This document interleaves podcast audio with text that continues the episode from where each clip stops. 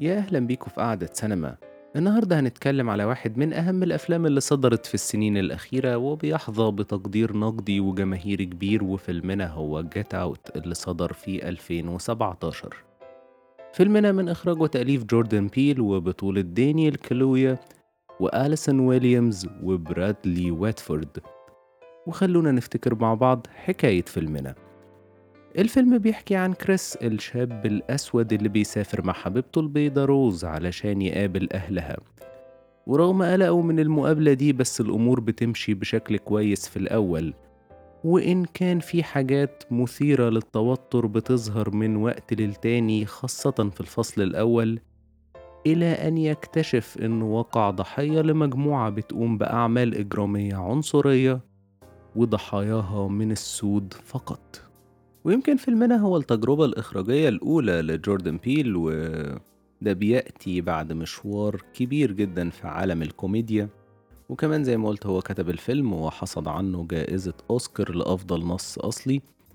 بس المميز بالنسبة لي في الفيلم ده إن بعد مشوار كبير جدا في الكوميديا بياخد موضوع جد وزي نقدر نقول كده إن هو في إعادة تدوير لحاجات إحنا شفناها وده اللي عجبني. يعني جوردن بيل هنا ما ما بيخترعش العجلة مش بيبدأ من الصفر. بالعكس أنا حسيت إن هو بنى على تاريخ سينمائي كبير يعني. هو شخصيا بيقول إن في أفلام أثرت فيه جدا زي روزماريز بيبي بس أنا بشكل شخصي كان عندي إحساس تجاه الفيلم إن بيل فكر في فيلم جيس هو is coming to dinner وهو بيقول إن هو طبعا اتأثر بيه.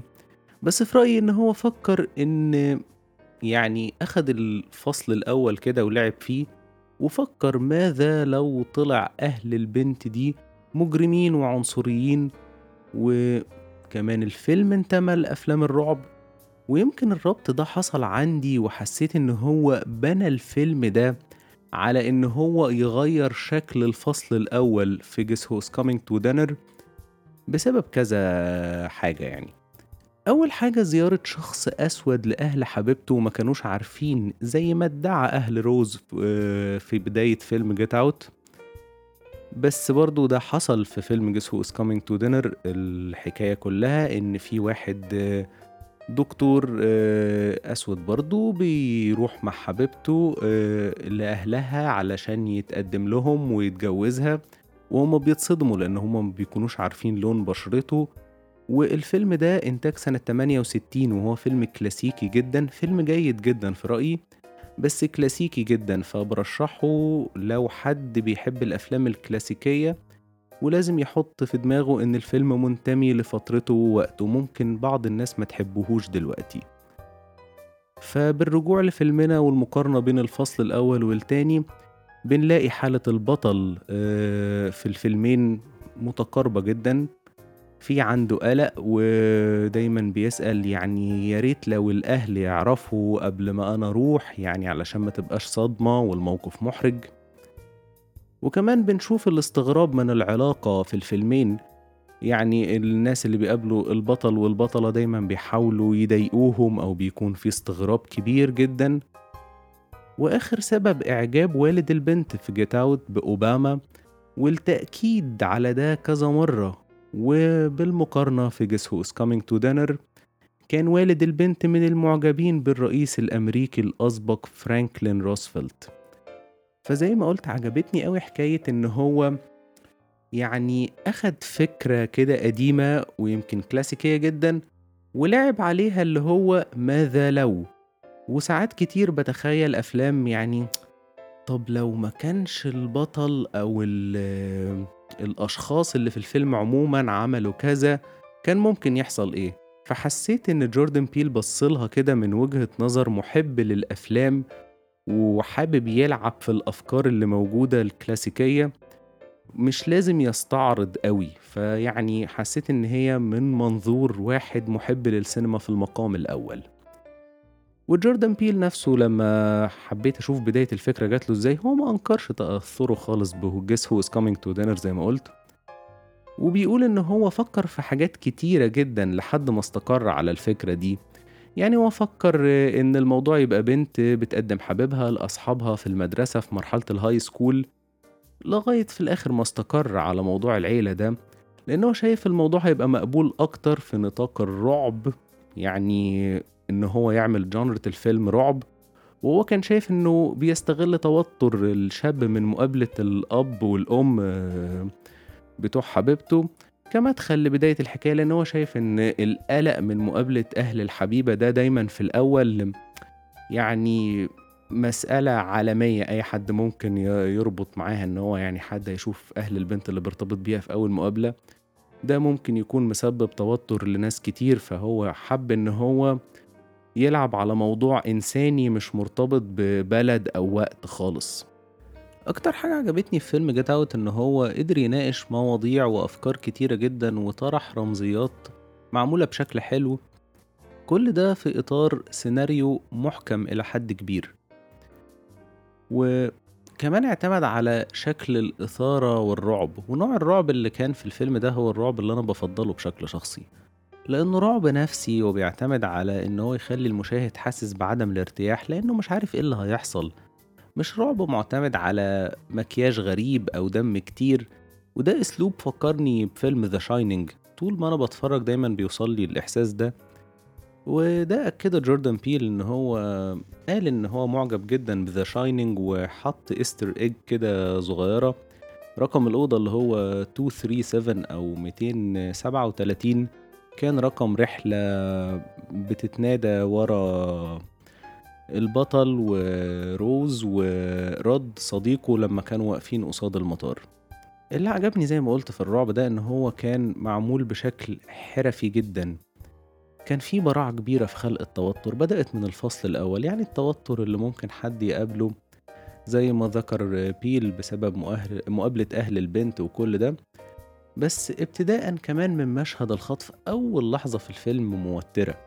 يعني بنشوف واحد بيتخطف ومبنعرفش مصيره وبعدها بندخل حبة في حبة في حبة بعد بقى الكلام اللي بيحصل بين كريس وروز بتبدأ الرحلة بتبدأ في غابة بشكل موتر جدا وتصوير الغابة كان شكله مخيف ويمكن ده برضه فكرني شوية بذا شايننج المشهد بتاع الهليكوبتر في الأول واتكلمنا كتير جدا عن فيلم The Shining في الحلقة رقم 8 اللي ما سمعهاش يقدر يرجع يسمعها ويعرف حاجات كتيرة أوي عن الفيلم. وبعد الصورة بتاعة الغابة اللي شفناها بنلاقي حادثة الغزالة وقصة الظابط وكل ده بقى مش بينتهي مثلا إن كريس بيترفض من أهل روز لا بالعكس كان في ترحاب غير مريح جدا منهم. كل حاجة كويسة بشكل مش مريح. تعامل كويس بس من كتر ما بيحاولوا يبانوا لطاف ومش عنصريين كانوا مقلقين. وكمان الناس اللي شغالين في البيت كانوا دايما قمة في الغرابة خاصة جورجينا. بس في البدايات دي كلها أحاسيس بدون معلومات. الحرفية الكبيرة كانت إن المخاطر بتبدأ تبان حبة في حبة. كل شوية الفيلم عنده اللي بيكشفه. وفكرة الاحتفاظ بضبابية وضع روز لحد الآخر كان برضه قرار ذكي. وده يخلينا على رأي جوردن بيل يخلي أي حد عند لازم يرجع يشوف الفيلم تاني علشان يركز مع تصرفات روز من الأول خالص هيحس إن هي مريبة وهيشوفها بعين مختلفة وده حقيقي جدا. في وسط ده كله زي ما قلت الفيلم فيه مواضيع مهمة ورمزيات معمولة بذكاء كبير. المواضيع زي فكرة العنصرية وكمان هنا العبودية واستغلال أجسام السود. وبما إن الفيلم صدر في 2017 فكان هيبقى كليشيه قوي إن هو يتكلم في الحاجات دي في العصر ده. يعني الموضوع هيكون ليه شكل تاريخي أكتر لو تم تناولها بشكل مباشر. فعمل إسقاط على الموضوع باللي بتعمله المنظمة وده كان ذكاء كبير في رأيي. والمنظمة كل شخص فيها بينقي ميزة ناقصاه في الضحايا السود وبيتزرع جوه الجسم ده أو نقدر نقول بيزرع وعيه جوه جسم الضحية. زي الجد اللي نقى شخص بيقدر يجري كويس بسبب خسارته من جيسي أوينز العداء المشهور جدا في تاريخ أمريكا. ولو حد عايز يعرف أكتر عن جيسي أوينز يمكن هرشح له رواية وهي برلين 36 كتبها إسكندر نجار وهو كاتب لبناني فرنساوي. وهي رواية لطيفة جدا بتدور في إطار تاريخي بتتكلم عن حياة جيسي أوينز. وبتتكلم عن الفترة دي في ألمانيا النازية وحاجات جوه صناعة السينما في الفترة دي داخل ألمانيا ومواضيع مختلفة كتيرة.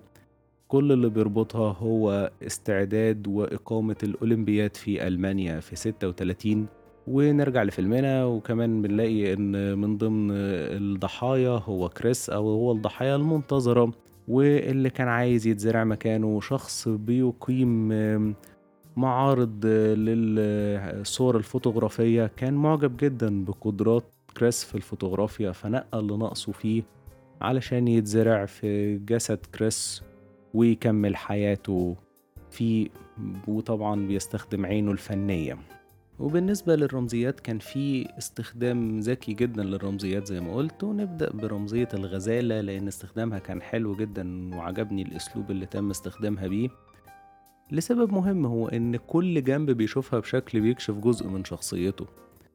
يعني وقت ما كان كريس في الطريق هو وروز والغزالة اتخبطت بالعربية شفنا إن الموقف كان صعب على كريس لأن ده فكره بأمه اللي اتخبطت واتسابت على جنب في الطريق لما اتخبطت يعني وفضلت تنزف لحد ما ماتت وده عمل له trauma.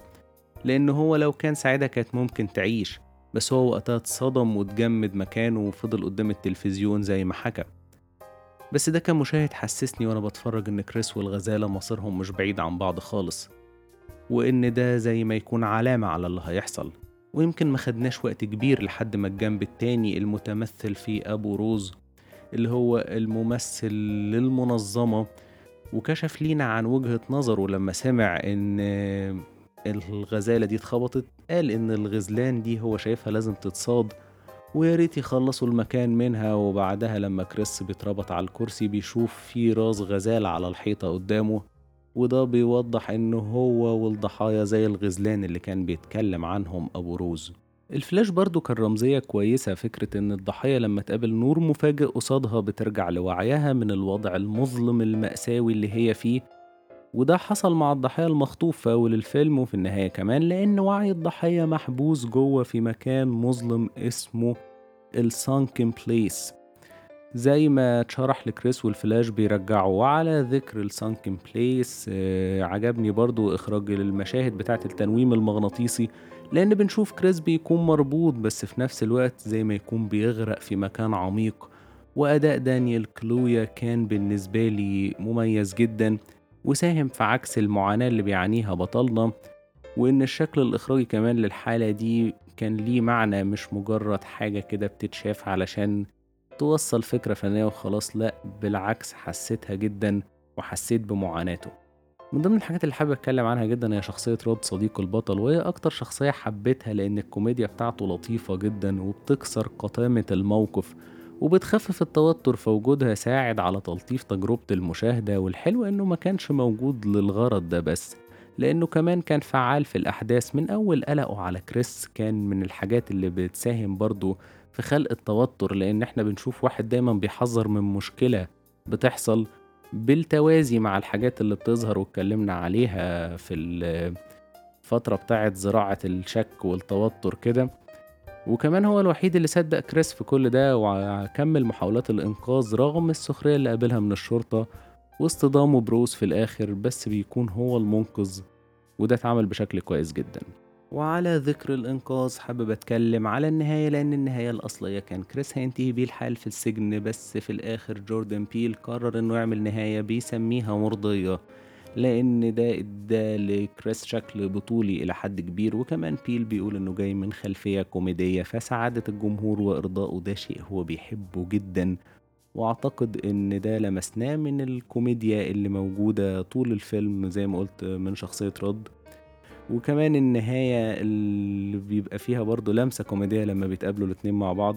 فالموضوع كان بادئ بشكل كده أنا عجبني جدا لأن هو أخد شكل الإثارة في الأول بسبب وجود عربية البوليس لحد ما المشاهد بيشوف الصورة كاملة وبيحصل الكلام اللي بين كريس ورد وبيبقى الموضوع بيقفل بشكل لطيف ومريح للجمهور بعد ما شافوا معاناة البطل. فلحد هنا خلص كلامي عن فيلم Get Out يا رب تكون الحلقة عجبتكم ويا ريت اللي مش عامل subscribe يعمل عشان توصل لكم الحلقات الجديدة باستمرار. ونتقابل الحلقة الجاية. مع السلامة.